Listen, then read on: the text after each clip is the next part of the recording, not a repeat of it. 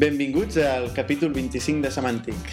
Avui estem, tenim l'honor d'estar en una taula rodona bastant nodrida, Taula és malgrat... quadrada, no sé, Bueno, és quadrada, però... rectangular. Val.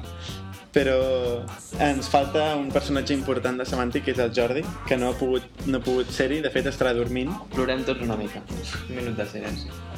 Estarà dormint perquè està a San Francisco, com ja vam explicar a l'últim podcast, i no ha tingut temps de, de gravar, de fer alguna gravació explicant-nos les seves aventures de per allà, però ho farà de cara al pròxim, així també l'obliguem. I, bueno, no, no ha parat. Nosaltres el veiem de, aquí des de la pantalla de la, de la FBI que tenen aquí a, a Teambox i veiem els, els puntets vermells com van corrent per Nord-Amèrica. O sigui, han estat a Mèxic, han estat a San Francisco i, bueno, com que els administradors de Teambox apareixen en vermell, eh, és curiós veure com va, com va canviant el mapa. I, però bueno, estem a, avui amb el, amb el Florian, Florian eh, Vale, no? Valen. Pronuncia? Valen. Eh, ¿Qué tal, Florian? Muy bien, ¿qué tal tú? Bien.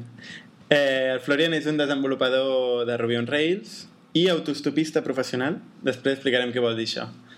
També estem amb el, amb el Sergi Sanz, d'Itnic, Hola, què tal? i... Sans de cognom, és Sí. curiós. Com el còmic Sans. Igual, sí, igual. el meu pare el va inventar. Està bé. I també estem amb, amb el Pere Joan Martorell, Hola. que és enginyer informàtic de la FIP, Oh, ja el coneixem, no? i el coneixem d'altres episodis que ha aparegut. I el Masumi, Sempre, hola, què tal? que se'l sent rajar per darrere, com sempre. I tant. I, bueno, comencem amb el Masumi.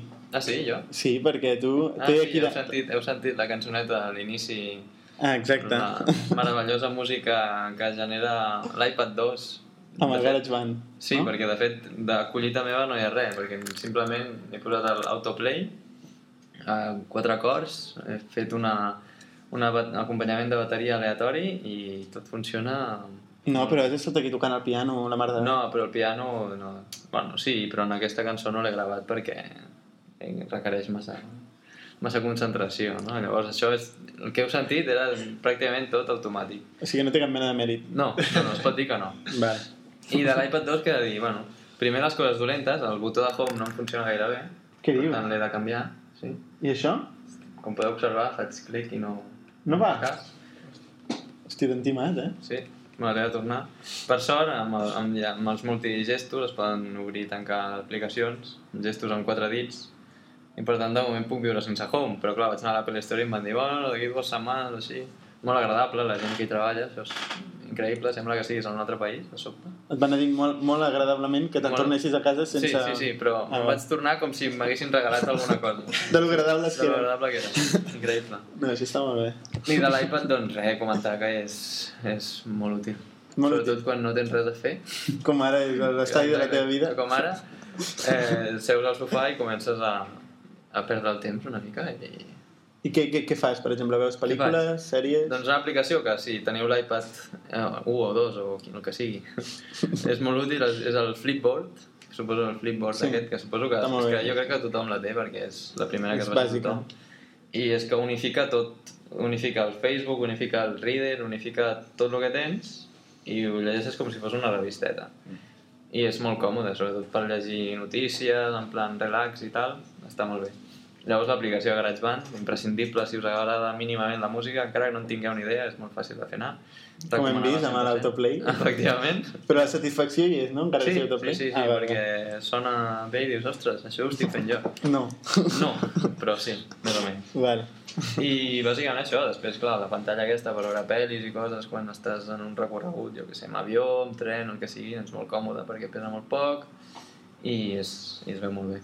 Mhm. És més ràpid? És molt més ràpid que l'anterior? No sé, perquè jo l'anterior ni el vaig arribar a tocar pràcticament. No. O sigui que no, no, no ho sé, però suposo que sí, dona, dona sensació de velocitat, això segur. Això segur.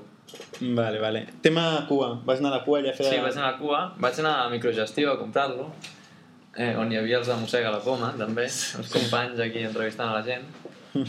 Em van fer molt bé d'esperar-se que la gent el tingués a la mà, perquè si no la gent estava allà estressada. Oh, lo quiero, lo quiero. Però no hi havia gaire cua, la veritat és que em vaig esperar una hora. Una hora, vam anar a les 4, a les 5 obrien, O sigui que al final ningú el volia, l'iPad. almenys ja... No, no, sí que el volien, perquè després hi tornaves a anar i ja no n'hi havia. Però, però no el volien tant. O sigui, ara mateix, si te'n vols comprar un, no n'hi ha. Però, però vaja, que tampoc va ser la gran cosa. Mm -hmm. Bé, amb tot això que jo que l'havia de tenir el primer, que el vaig demanar als Estats Units, encara està, Ja. encara està por ahí. Tu ets el primer que te'l vas comprar i l'últim en tenir-lo. Exacte. Però a l'Apple Store hi ha hores de cua, Sento no? molt orgullós. A l'Apple Store sí, va ser una bogeria, la Hi maquinista. de cua. Sí, sí. Un amic que va estar 6 hores en cua. Sí, sí, a l'Apple Store hi havia moltíssima gent. I que veus que no hi va anar ningú a... Bueno, no hi va anar tanta gent a microgestió. No sé, suposo que com que no és, no és És tan conegut. conegut, no? Diguéssim, és un reseller que diuen, bueno, doncs potser el tenen, potser, potser només en tenen tres, saps? A saber. També hi havia No snack no, i altres llocs. Sí, a altres llocs sí, com l'FNAC, i gent no el va aconseguir l'FNAC perquè no penses no, en l'FNAC en un iPad. L'Apple Store, tothom deia, "Ah, Apple Store, Apple Store. 6 hores. Sis hores. Bueno, no és tant. Però em sembla que tothom que hi era el va aconseguir, eh? Mm -hmm. Qui més que menys. Està bé. I res, això, és l'experiència. La, la funda aquesta, la funda... La funda, la funda magnètica també és una experiència molt, molt estranya. Que això, Pro protegeix alguna cosa? La part del davant, sí. I la de darrere? La del darrere no. Però és molt útil eh, quan la vols posar, quan vols posar l'iPad en plan per una pel·lícula o quan vols posar-lo en plan per escriure o quan vols tapar-lo simplement. És bastant útil, en general. És, és massa cara, per mi, jo crec que és molt cara, que té un preu molt excessiu, però... però quin remei, no? Tot un Apple. Sí. Bueno, tot, tot, tot, tampoc. I la bateria dura... La bateria sí, dura eternament. 10 hores, jo crec que sí que 10 dura les 10 hores. Perquè fa segles que no el carrego i faig servir... i- Molt més que l'iPhone, per exemple. Sí, sí, sí. Mm -hmm. I tu vas agafar la versió Wi-Fi... Wi-Fi 32 gigas, per si em ficava pel·lis i coses. Vale. I, I es connecta bé amb el 3G i tot això? No he provat encara, de fet. No, no Potser. falta. Perquè els jocs que he anat hi havia Wi-Fi i no... Tot arreu hi ha Wi-Fi. I al carrer encara no m'he atrevit a treure'l. Sí. M'esperaré que n'hi hagi, hi hagi més Però gent. escolta, els semàfors de Barcelona Wi-Fi. És veritat, podria fer els semàfors de Barcelona. Ho hem comentat aquí Samantha diverses vegades i Sí. estan actius, jo n'he vist uns quants. Doncs sí, ho provarem. Treu l'iPad allà amb un semàfor mentre creues el carrer. Sí. Aviam si M'atropellen. t'atropella. Sí, ho faré. està bé, està bé. Florian, què tal? Bien. Eh, jo et parlo en català a poc a poc, però tu respon en castellà com vulguis. En anglès o en, o en alemany? lo, lo entiendo. En alemany també, no tot aquí, tota l'audiència de semàntica entén perfectament Sí. alemany. No, et volia preguntar... Bueno, tu ets el creador de Hitchlock, Mhm. no? Sí. Que Hitchlock és una, és una aplicació que serveix per... Mm, com una xarxa social per a autostopistes. Mhm. Explica'ns com, de què va això. Mm, Hay una cosa que se llama el HitchWiki, que es una página para las am, autostopistas donde se puede informarse am, de qué sitio está mejor salir para ir a cualquier sitio de las ciudades. Es como Wikipedia, pones la ciudad, tienes todas las informaciones ah, sobre salir la ciudad. Y tiene mucho, mucho, muchas informaciones sobre las, am, la cosa de autopista, ah, la- la- las cosas de los auto- ah, autostopistas, pero am, no es una red social y no tiene las historias de las autostopistas y todo lo que esperan, por, por ejemplo, cuánto tiempo esperan en la calle y tal. Y yo quería hacer el mundo un, un sitio donde, eh, más auténtico em, sobre las autostopistas, porque yo estuve una de las, personas que, que estuvo pensando que no, no es fácil y es peligroso y no sabes cómo si llegas y todas estas cosas que tienes en tu cabeza si no lo- nunca lo has hecho. Y encontraba mucha gente que lo hacían y lo em- um, hacía la primera vez y, y funcionaba muy bien. Y um, yo quiero también que crear un- una imagen de las autopi- um, de, Autostopistas. de, de autostop que está auténtico. Quiero que le ponen cuánto tiempo has esperado en este sitio cuánto tiempo um, has en, qué tiempo has llegado desde Barcelona a Va- Valencia por ejemplo Am, quiero las historias que, que han encontrado. ¿Eran buenas? ¿Eran malas? ¿Era una experiencia buena? ¿Era una experiencia mala? Y am, yo quería crear un- una red donde, donde puedes tener un- una imagen auténtica de los autostop. Ujú. Porque yo creo que la ma- mayoría de la, de la gente am, tiene, tiene un- una imagen Mala del autostop. mala, mala. Sobre sí. todo en España que hay mucha desconfianza y, Sí. y se cree que la, gente, gente no, no parará. La, la gente cree que la gente no parará en España. Y la gente no cree que la gente no espera, am, parará en, en Francia. No cree que la gente parará en Alemania. En cualquier sitio donde voy, la gente sa- siempre me dicen, Que en su país no paran. sí, en su país no paran. Pero es porque la- la- el mundo no es, no es tan mala, malo que, que, que, que la gente piensa. Ujú. Si, si hay tráfico, siempre hay buena gente. Siempre, Siempre. hay gente que te, que te, que te llevan a, a- un poco más lejos. Porque tiene, si tienes sitio, am, si tienes sitio y, y van desde sitio a sitio, no, no hay un problema para, para ellos. ¿Y cu- cuál, cuál es el secreto para que te paren? El secreto es... Es una chica es, Kusha. hay, hay, un, hay una ley. Eh, La primera ley de, de autostop es siempre va a estar alguien que te va a llevar. Bueno, te- esto no, no- no nos responde el secreto. Pero es verdad, si, si esperas media hora, no es mucho, pero para ti es mucho, de verdad, porque no sabes si en la próxima minuto va a llegar alguien que te va a llevar, Es ¿sabes? la ley Si- de Poisson, ¿no? eh, Si, si, si, si esperas media año, medio año para el tren, no es mucho, pero sabes que el tren va a llegar en medio año. Si esperas medio año, por eso en, en la calle es, es un poco más. Te sientes como has esperado más. Sí. Por eso necesitas una, una actitud de, de confianza y necesitas estar un hombre que, que, que pueda hablar con extranjeros. Y en Hitchwiki hay los tips para hacerlos. Los sitios donde parar. Los sitios, porque siempre es mejor ir a la autopista eh, donde hay una gasolinera. Si hay una gasolinera en la autopista, siempre llegas a la auto- a gasolinera y solo am, preguntas a la gente si, si van a un sitio y si te, van, si te pueden llevar.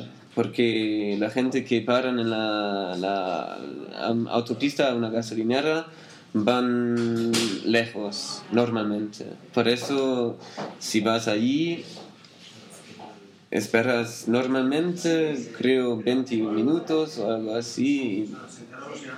Y, tienes un, un coche para ir a la próxima gasolinera. No sea directamente, por ejemplo, desde aquí a San Sebastián o algo así, pero llegas poco a poco y siempre desde gasolinera a gasolinera en la autopista. Nunca sales la autopista. Si te, te puede llevar alguien que no va a la próxima gasolinera, esperas a la próxima que, que te va De gasolinera en gasolinera, siempre. Sí, porque si sales la gasolinera necesitas usar un, un- un cartel, necesitas llegar a un, un sitio donde se pueden parar. Um, hay, estos, hay unas cosas que, que, que se necesita saber y también es, es, es muy bien tenía, tener una mapa, por ejemplo, tener un iPhone, o una mapa donde, donde se ponen la- las gasolineras en la autopista Vale. y Vale. esto. ¿Tu aplicación funciona para aplicaciones móviles y tal? Ya no, pero estamos pensando de hacer una aplicación de iPhone y am, utilizar las, la, las puntos en, en Google Maps para que se, que se puedan encontrar los mejores sitios donde puedes hacer a tu stop muy bien en, en, en Google Maps. Esto ya existe en Hitchwiki, se llama Maps, maps.hit- maps.hitchwiki.com. Esto es una aplicación muy buena que también están haciendo unos amigos míos que donde la gente pone las eh, sitios buenos para hacer autostop. Vale. Y una pregunta, o sea, tú puedes planificar una ruta y quieres, bueno, puedes poner, yo quiero ir de aquí a aquí y la aplicación te muestra las gasolineras donde debes parar y todo esto, ¿cómo va? Sí. Am, hay, am, hay tres am, am, opiniones de, de, de las tops. Hay mala, media y muy buena. Y con esto puedes, am, puedes ver dónde, dónde puedes salir y dónde están las gasolineras y dónde es mejor para... ¿Y la aplicación cómo, cómo lo has hecho? ¿Qué, ¿En qué tecnología? La aplicación está echado en, en Ruby en Rails 3. am, está open source y el código está en GitHub. Si llegáis a hitchlock.com mm, veis una en la esquina que podéis cargar, descargar el código en GitHub. Y está echando en BDD de Cucumber y RSpec. Y Ah, tenemos una forma de, de mantener las trips porque el trip tiene muchas digo coches que te llegan con que, que- con que llegas Pequeños viajes dentro de un gran viaje. ¿no? Sí, pequeños viajes de- de- adentro de una viaje y en esta aplicación de, de los mapas puedes poner donde, donde te han dejado. Y esto está bueno para, para saber también dónde puedes parar y am, bueno, está hecho en JavaScript, por ejemplo, por supuesto en, en la, la Maps, las, las Google Maps están, está la API versión 3 y Ujú. Estamos eh, empezando también de testar un poco em, con Yasmin, que es un, em, un BDD frame- framework parec- muy parecido a RSpec para mantener el... Para JavaScript. Para JavaScript, sí, Ujú. para... para ver si, si el JavaScript funciona como, como quieres y como- para hacer BDD, para, para hacer el inside out um, ¿Y qué tal, uh, Jasmine? ¿Qué tal, Jasmine? ¿Os gusta? Yasmin está, está bien, está desarrollando, está de, de um, Pivotal Tracker, de, las, de, las, uh, de la gente que han hecho Pivotal Track, de, Tracker, de Pivotal Labs. Ujú. Y um, bueno, está muy nueva, pero creo que um, está una buena, buena cosa para testar el JavaScript y si haces uh, RSpec y, y si te gusta RSpec está una buena cosa para testar el JavaScript. Vale, perfecto. Porque casi cada una uh, aplicación en Ruby está muy buen uh, testando en, en Ruby, pero el JavaScript uh, falta un poco. Bueno, pues ya iremos siguiendo Hitchlock, a ver qué tal, cómo evoluciona. ¿Tenéis estra- alguna estrategia de expansión, de cómo llegar a todo el mundo? Eh, publicidad, etcétera, de Hitchlock.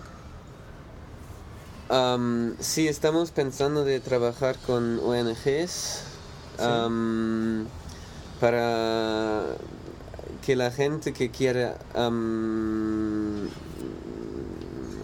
soportar el um, autostop pueden um, soportar un um, autostopisto um, por un céntimo por kilómetro que ha hecho un autostop. Y este dinero va a las ONGs, por ejemplo, hay una ONG con que estoy en contacto que se llama Viva con Agua, que están construyendo fuentes en los terceros mun- eh, mundos donde está, la, la agua está mal, están construyendo um, fuentes para, para que la gente pueda beber agua claro y creo que está una muy buena cosa para, para que podamos hacer el mundo un mejor sitio. Sí, sí, sí. Muy buena idea. Y el tema, tema del SEO, SEO, eh, ¿te ha preocupado hasta ahora? Ya que tenemos, tenim un tertulià especial avui dedicat a això, Bueno, um, no, no te ha preocupado en absoluto, ¿no? no, no, no estoy pre- muy preocupado de esto, pero por eso tenemos un experto a nuestro lado que se llama Pero Sergio. quizá tu aplicación eh, se puede publicitar mejor en redes sociales, ¿no? Por ejemplo. Claro, en Facebook. Yo lo veo más Por ejemplo. Facebook. Tenemos una cosa, si tú haces eh, un trip puedes poner el trip en tu wall para que tus amigos y todo, todos que te siguen pueden verlo y está poniendo también en Twitter. Ten- tenemos un, un account de Twitter donde se pone un trip cuando, cuando has hecho lo puedes seguir un autostopista para que, que ves cuando ha hecho un trip en autostop y puedes preguntar él en- para que, que sabes um, cómo lo hiciste, eh, cómo lo, lo hagaba y, y esto. Molt bé. Doncs passem a, passem a parlar amb el, amb el Sergi, amb el Sergi Sanz d'Itnic, que bueno, ens parlarà del SEO, que és un món que els enginyers acostumem a odiar bastant, Bastant, sí. més que res perquè ens veu un personatge com el Sergi i ens diu que el que hem fet no serveix perquè no es posicionarà bé. I els seus arguments acostumen a no ser deterministes com a nosaltres ens agrada, per això, allò i l'altre, acostumen a ser eh, intuïcions, una barreja de coses És que el SEO és intuïció. increïblement molestes per nosaltres, però que ens condicionen absolutament, perquè el que veiem empíricament és que quan no li fem cas, a vegades que no li hem fet cas, ens hem desposicionat, efectivament, o a vegades que li hem fet cas, doncs ens hem posicionat bé, no? Per exemple, casos tan exagerats com una ratlla, una barra al final d'una URL, que això per un servidor no, et serveix la mateixa pàgina, no, no hauria de canviar en absolut, però Google, Google ho interpreta com pàgines diferents, si té barra o no té barra. I no tot això que ens vam arribar a riure molt del Sergi, hem de reconèixer que ens vam desposicionar per sudar d'aquest tema. I quasi perdem tot el page rank de la pàgina. Bueno, casos d'aquests. amb la qual cosa s'ha convertit en una mena de dictadura de, de, del SEO que ens, ens, jut, vull dir, que ens obliga a prendre una sèrie de mesures per tal d'aconseguir bon posicionament. És una mica el que intenta Google, no? Que els enginyers, totes les persones que treballen en màrqueting online, en el món d'internet, s'adaptin a el que ells volen, que és que sigui una aplicació web. El SEO és una disciplina que va néixer arrel de, de, de l'explosió dels motors de búsqueda i bàsicament el que busca és optimitzar una pàgina internament i externament de cara a aquests buscadors, perquè es posicioni millor en els resultats per, per diferents seqüències de paraules clau. Llavors el que intentes és sempre estar per sobre de la teva competència. Llavors, clar, entres aquí en una dinàmica de... de Una guerra. Una guerra directa amb la competència, com si diguéssim, i Google com a intermediari, per poder escalar posicions. Sí, de fet això és qui conèixer l'algoritme de Google, bàsicament, perquè els altres cercadors Bàsicament. són insignificants. Bàsicament, hi ha uns 250 paràmetres més o menys que Google té en compte en el seu algoritme, alguns que compten menys i altres que compten molt poc, i després es crea una operació matemàtica i en funció del resultat et puja més a dalt o més a baix. No té més. De fet, això és Google. El buscador és això. És un algoritme que classifica els resultats de búsqueda segons una rellevància. Però entenem que l'objectiu de Google és finalment servir contingut rellevant, és a dir, coses que interessin realment l'usuari. Per tant, totes les trampetes que poden sorgir en el món SEO, o els Clar. coneixements que, que poden aconseguir posicionar una pàgina millor que una altra, cada vegada es van, es van quedant més obsolets, perquè Google el que busca és ficar-se en la semàntica pròpia del contingut Sí. i, i mostrar-te el que vulguis tu. Per això realment. Google sempre amb els seus canvis a l'algoritme intenta premiar el contingut que hagi Putejar els SEOs. I, bueno, no és, no és putejar, és una relació una miqueta d'amor-odi, jo crec, eh? Perquè en el fons també es necessita, perquè adaptem les pàgines perquè eh, el buscador de Google, els spiders, puguin llegir-les millor, puguin saber de què tracta ràpidament, mm, no tingui que passar per totes les pàgines internes per saber realment de què tracta el site i quines possibilitats té. I clar, això també comporta que hi hagi SEOs que puguin fer trampes o puguin eh, fer ata bueno, atajos, com ho podríem dir això? Dreceres. Dreceres, puguin agafar dreceres, no?, per, per aconseguir un posicionament molt més ràpid. Per exemple, allò de Black SEO que es diu... Sí, bueno, pues, Eh, per exemple, transparents. hi ha moltes empreses als Estats Units que estan caient com mosques, que s'han dedicat en els últims anys a parsejar continguts, a copiar continguts d'altres pàgines web indiscriminadament. Per exemple, aquí a Espanya, webs com Magister s'ha dedicat a parsejar eh, cursos de totes les altres pàgines web. De fet, Infojobs eh, s'ha vist bastant afectada per culpa de Magister, perquè es robaven cursos de formació, el que Infojobs també es volia ficar, i s'han vist que els, els robaven tots els cursos. I clar, totes aquestes webs cauen tard o d'hora. Perquè està penalitzat, no? Més o menys aquestes És- pràctiques eh, per Google. Fa aproximadament mig any o així, també deien que estava penalitzat, però feien aquesta a la vista gorda perquè molts negocis funcionaven així. Hi ha molts negocis que es dediquen a parsejar continguts d'altres... Meneame, per exemple, que és un, és un, un, un repositori, com si diguéssim, d'articles de qualitat, es dedica a això, bàsicament. Vull dir, la gent puja articles copiats d'altres blogs o d'altres jocs.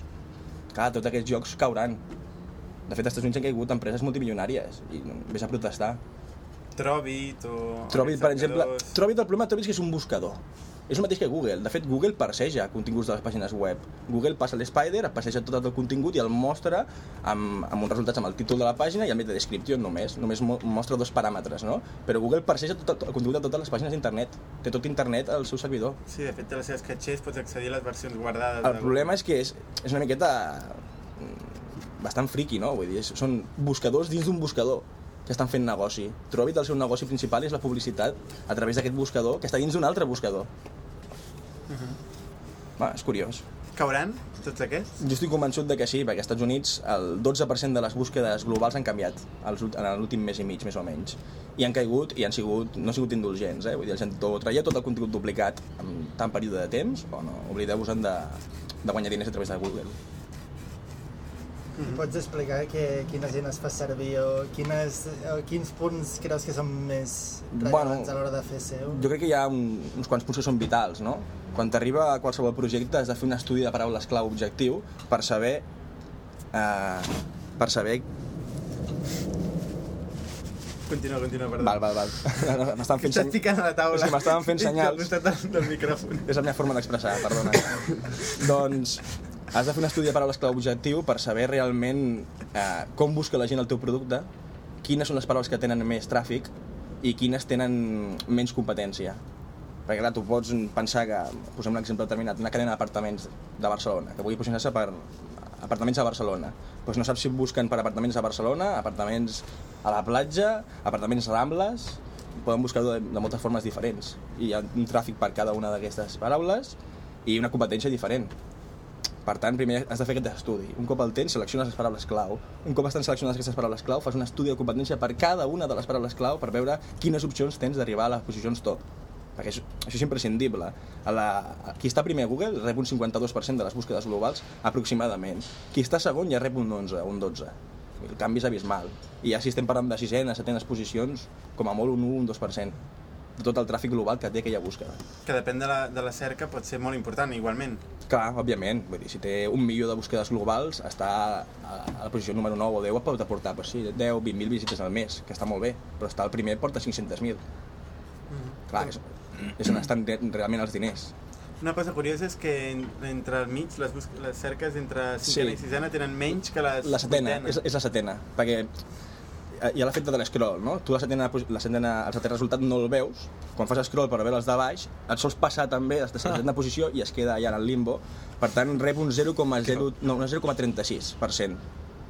I en canvi la, la sisena un 1,5 o així més o menys i la, la, la vuitena també un 1,5. És curiós també. I tu estàs competint amb, el, amb, el, amb la persona que es diu igual que tu i que és fotògrafa? Que acabo Amb buscar- Sergi Sans? Sí. Uh, podria ser. Encara no tinc gaire interès en, en posicionar el meu nom. No t'estàs posicionant No, no, no. no. No soc, prou, no soc prou conegut. Esperem que algun dia tingui aquest problema, no? Però no, encara no. Val, No, val. cada vegada més. De fet, tinc un professor d'universitat que li va passar el mateix i no podia desbancar a l'altra persona. Sí? A un advocat, i ell era un especialista en màrqueting, i mira, vinc a fer màrqueting i tal, i no va poder.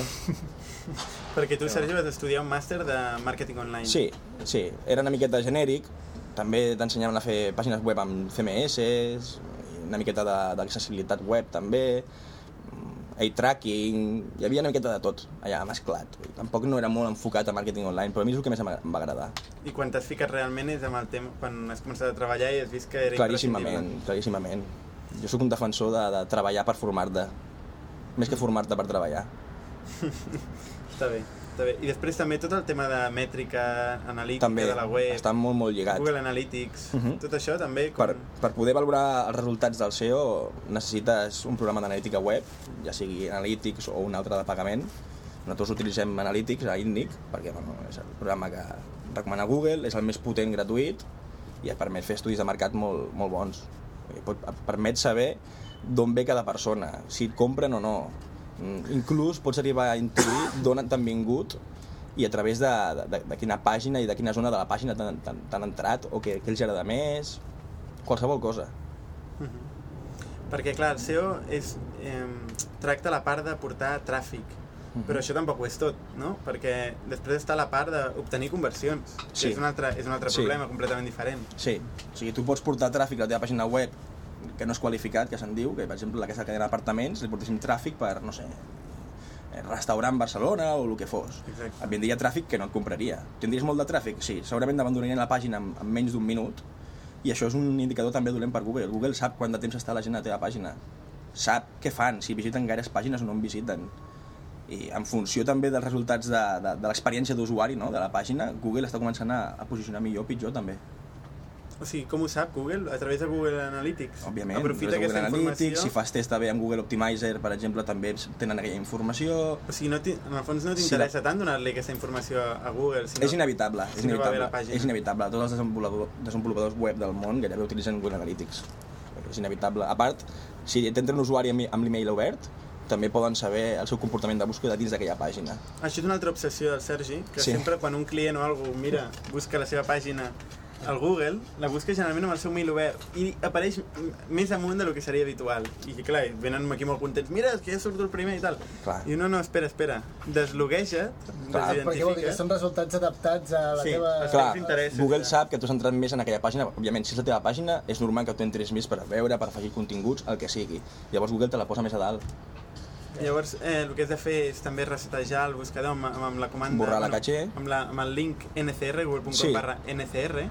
Llavors borres com la caché de La caché, resultats, tornes a cookies- buscar les i la que cookies. la pàgina està a la pàgina 5, no? I sí, llavors t'adones realment que no estàs el primer, sinó no hi ets directament gairebé. I clar, hi ve la depressió i tal. Clar, També ha sigut això, el canvi aquest d'algoritme també ha sigut un moment bastant important ha sigut molt bèstia, sí. molts clients que ens han dit no, no, això del contingut duplicat no és important, tota la vida ha sigut així en qüestió d'una setmana han desaparegut del mapa, no? Uh -huh, han caigut com mosques. Ha sigut traumàtic. De fet, en- s'ha aplicat només als Estats Units. Passa que hi ha una cosa molt curiosa, que si tu et posiciones en espanyol en el punt .com, se't considera també com si estiguessis als Estats Units, o t'haguessis posicionat en el buscador dels Estats Units. Bueno.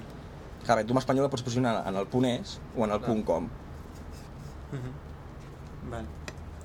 Tema xarxes socials. Com afecten això en el SEO? Com... Doncs amb el canvi a l'algoritme, eh, fins, fins ara les xarxes socials era purament un enllaç que tenies en el teu perfil i para de comptar, perquè són enllaços no follow, que vol dir que Google no, no transmet rellevància d'aquests enllaços cap a, cap a la teva pàgina web, però ara ha fet un pacte amb el diable, com si diguéssim, amb Twitter, perquè, per intentar desbancar Facebook i tots els enllaços que provinguin des de Twitter eh, transmeten rellevància i es transformen com si fossin un enllaç do follow, que transmet rellevància.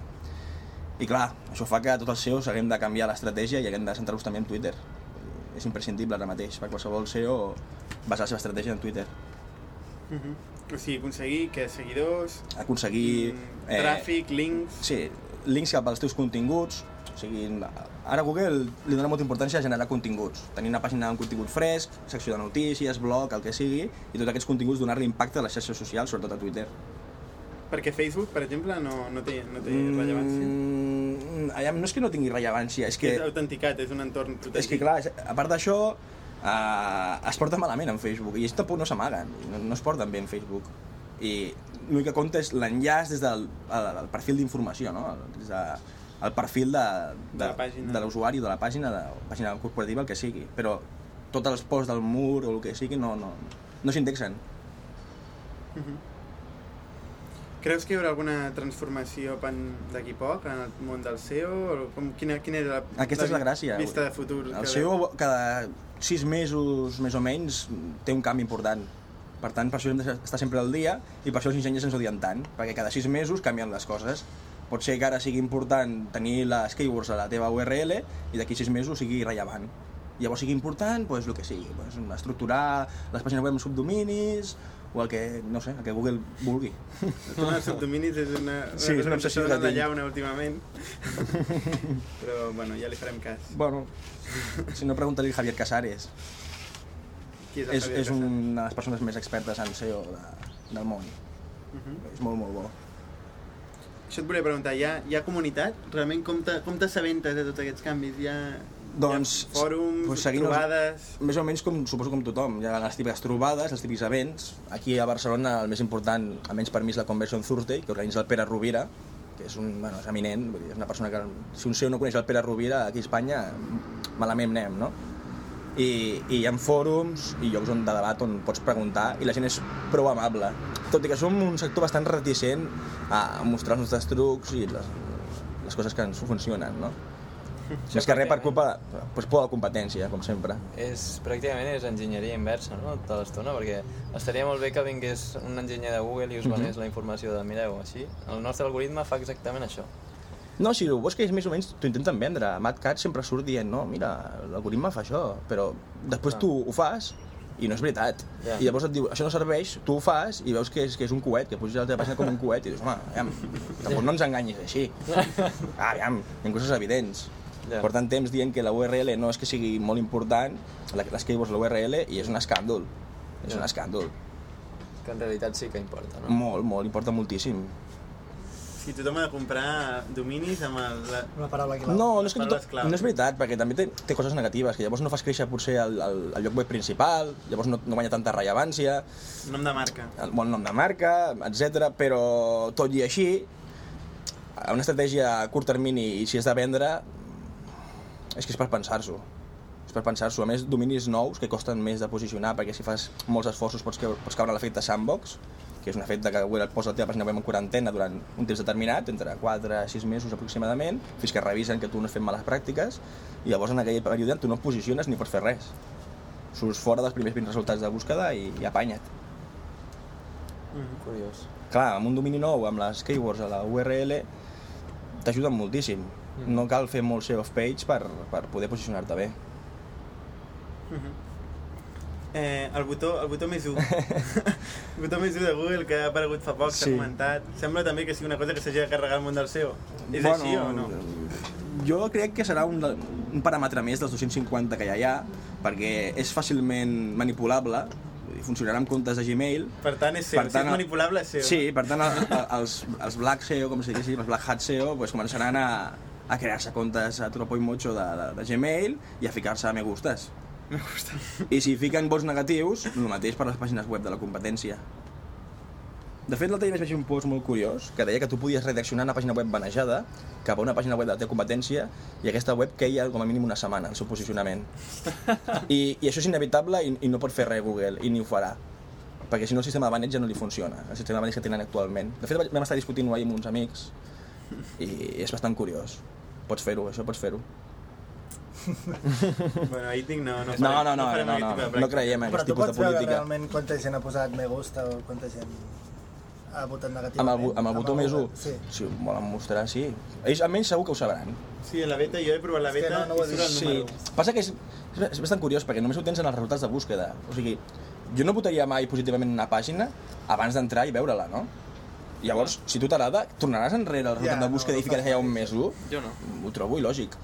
Això ho farà gent per, per manipular els resultats, per manipular els resultats. I ho trobo molt fàcil. De fet, els me gusta de, de, de Facebook són totalment manipulats.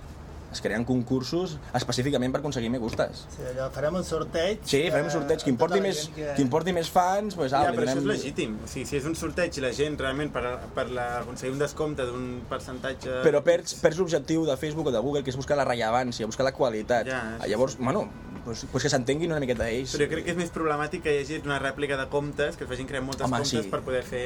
Sí, de fet, I amb, Facebook vigila una mica de això. fet amb crec. bookmarks socials també s'està fent. Hi ha molt SEO de bookmarks socials que es fa així, replicant i, i, i estafant a Google, no? Sí, sí. Està bé, està bé. Bueno, ja ens n'hi has informant si hi ha canvis de l'algoritme, eh, n'hi has tornant per Si algun semàntic. altre dia em convideu... Nosaltres encantats, ja ho saps. Sí, sí, sí. No, ho diu, ho diu el Sergi amb rancor, perquè un dia que vam, que vam venir a entrevistar la gent d'Itnic, ell no hi era, llavors va dir, oh, ho heu fet expressament el dia que no hi era jo. Llavors avui hem recuperat. És que va ser expressament. I aquí el tenim, no és cert. No, Ha estat pràcticament un especial dedicat a ell. Exacte. Sí, sí.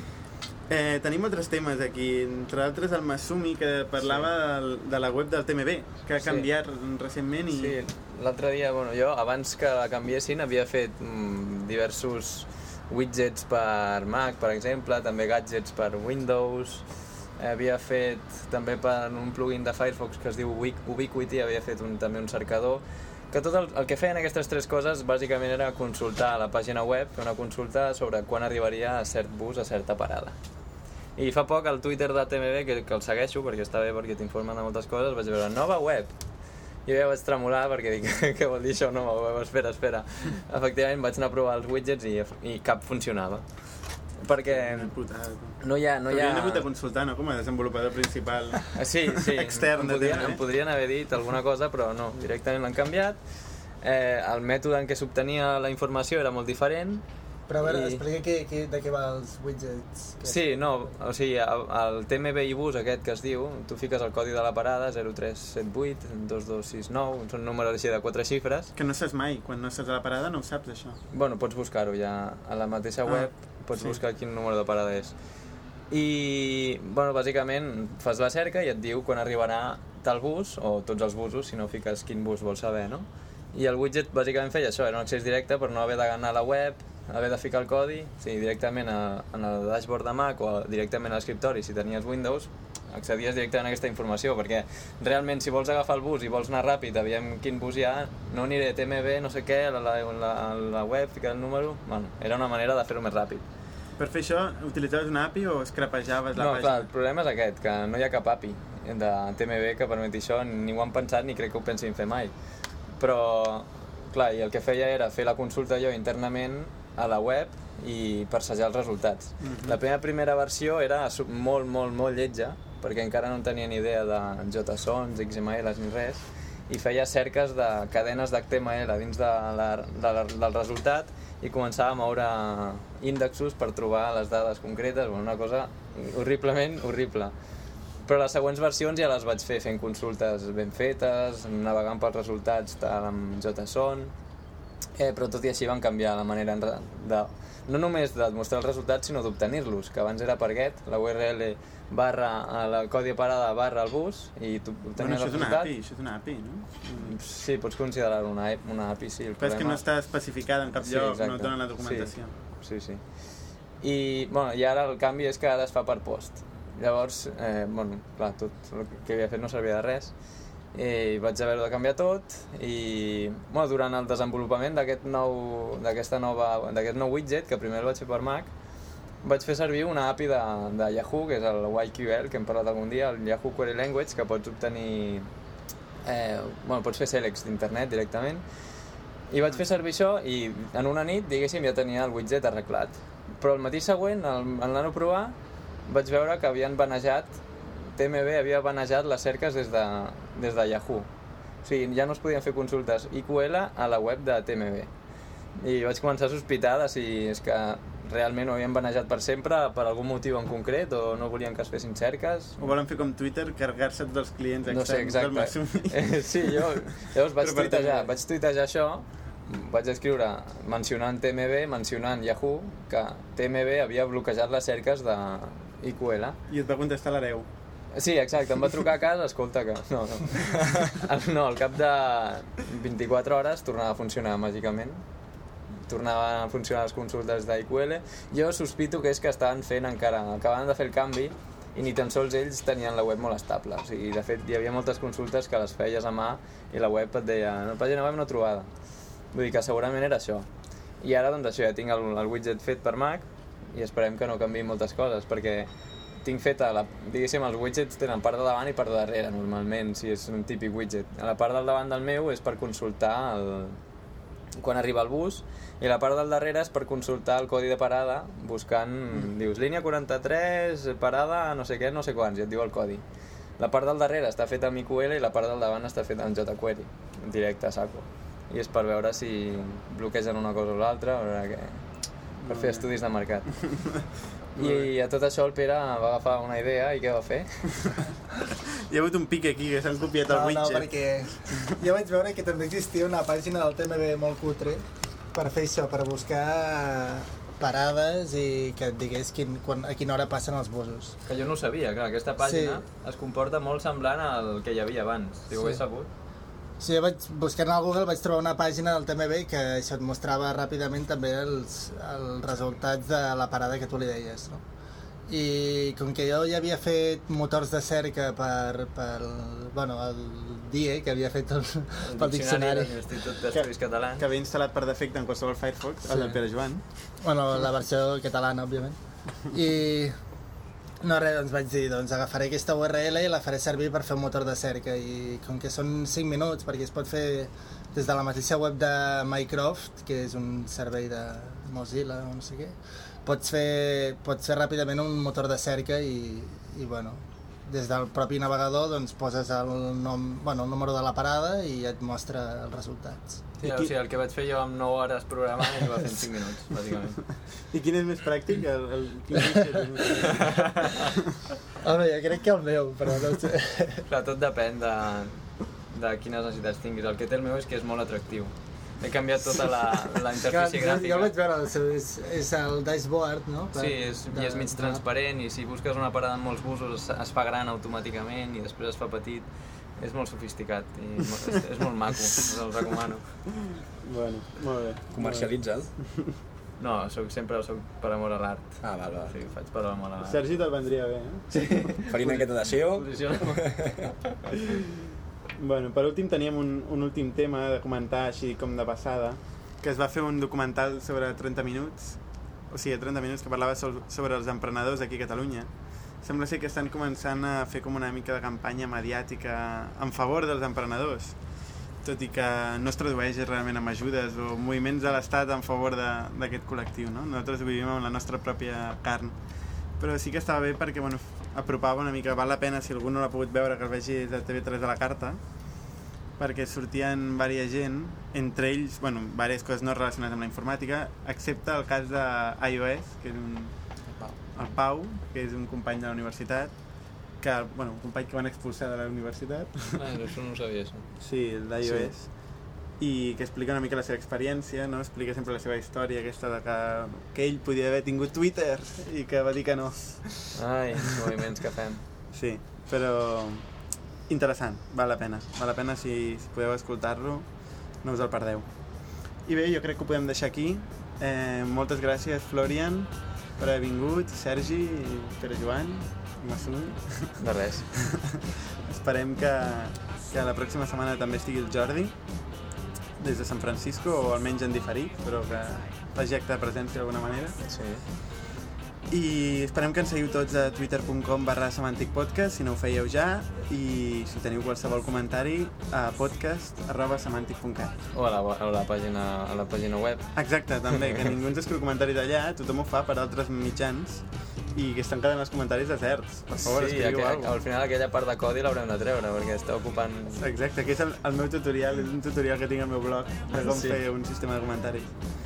Que és el que més, més visites té, per cert, Increïble. parlant de SEO. Però no porta ventes. No porta ventes, que això no pot ser, no? No és bon SEO. I res, fins d'aquí dues setmanes.